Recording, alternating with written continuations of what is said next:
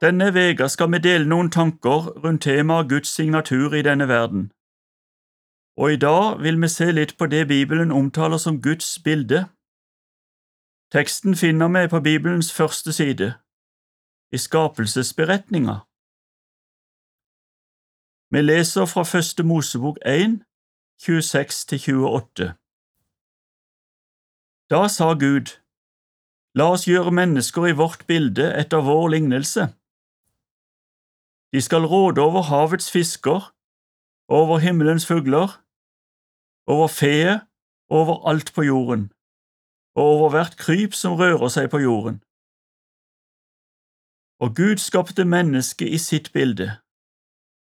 I Guds bilde skapte han det. Til mann og kvinne skapte han dem. Og Gud velsignet dem og sa til dem, Vær fruktbare og bli mange, fyll jorden, legg den under dere og råd over havets fisker og himlenes fugler, og over alt levende som rører seg på jorden. Mennesket er noe helt spesielt. Det er skapt i Guds lignelse, står der, noe som viser at det kan være en utseendemessig likhet mellom menneske og Gud. At Jesus, Guds sønn, ble menneske, underbygger dette. Videre har mennesket fått råderett over jorden og alle dens skapninger, og dette kommer til uttrykk med en gang, ettersom det er mennesket, altså Adam, som på Guds befaling setter navn på alle andre skapninger. Dette kan vi lese om i Første Mosebok kapittel 2, 19 og 20. Gud velsigna både mennesker og dyr med evnen til å formere seg, men råderetten var det mennesket alene som fikk. Derfor er også mennesket ansvarlig for sine handlinger, i motsetning til alle andre skapninger. Vårt rettsvesen viser at denne tanken ligger bevisst hos oss uavhengig om hva vi tenker om Bibelens ord. Det er noe helt spesielt i å være skapt i Guds bilde. Hvert enkelt menneske er skapt i Guds bilde. Du er ikke noe unntak, og det må du ta med deg når du går inn i denne dagen. Med velsignelsen så fulgte også evnen til å formere seg. Mennesket ble skapt til mann og til kvinne, og det er nevnt spesifikt som om Gud forutsa, før syndefallet, at mennesket kunne komme til å misbruke sin råderett og bruke den overfor hverandre. Da Moses mange år senere fikk steintavlene med de ti bud, så er vi tydelig at Gud setter et vern rundt det gode liv, der råderetten ikke må misbrukes.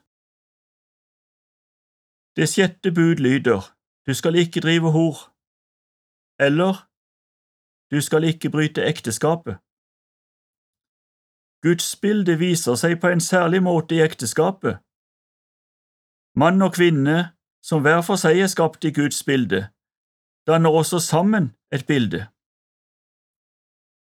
De passer fysisk sammen som to brikker i et puslespill, og fysiologisk utrustet til å utfylle hverandre. Dette er et stort kunstverk og et stort mysterium. Sammen er de ett.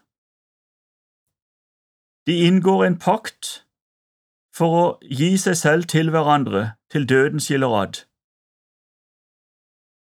På lignende måte har Gud inngått en pakt med meg der han lover å være ved min side så lenge jeg lever, og inn i evigheten. En pakt er virkelig ikke av en underordnet betydning.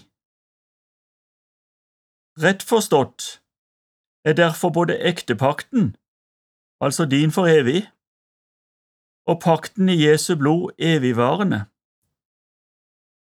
Dessuten så er ekteskapet livgivende. Samlivet mellom mann og kvinne skaper nytt liv. Og det er jo akkurat det som skjer når Gud slipper til i livet mitt og i livet ditt. Det skapes nytt liv. Du blir født på ny, slik Jesus lærte Nikodemus i Johannes kapittel 3. Formaningen i det sjette bud er at vi ikke skal bryte ekteskapet, og Bibelen advarer oss også mot å bryte pakten med Gud.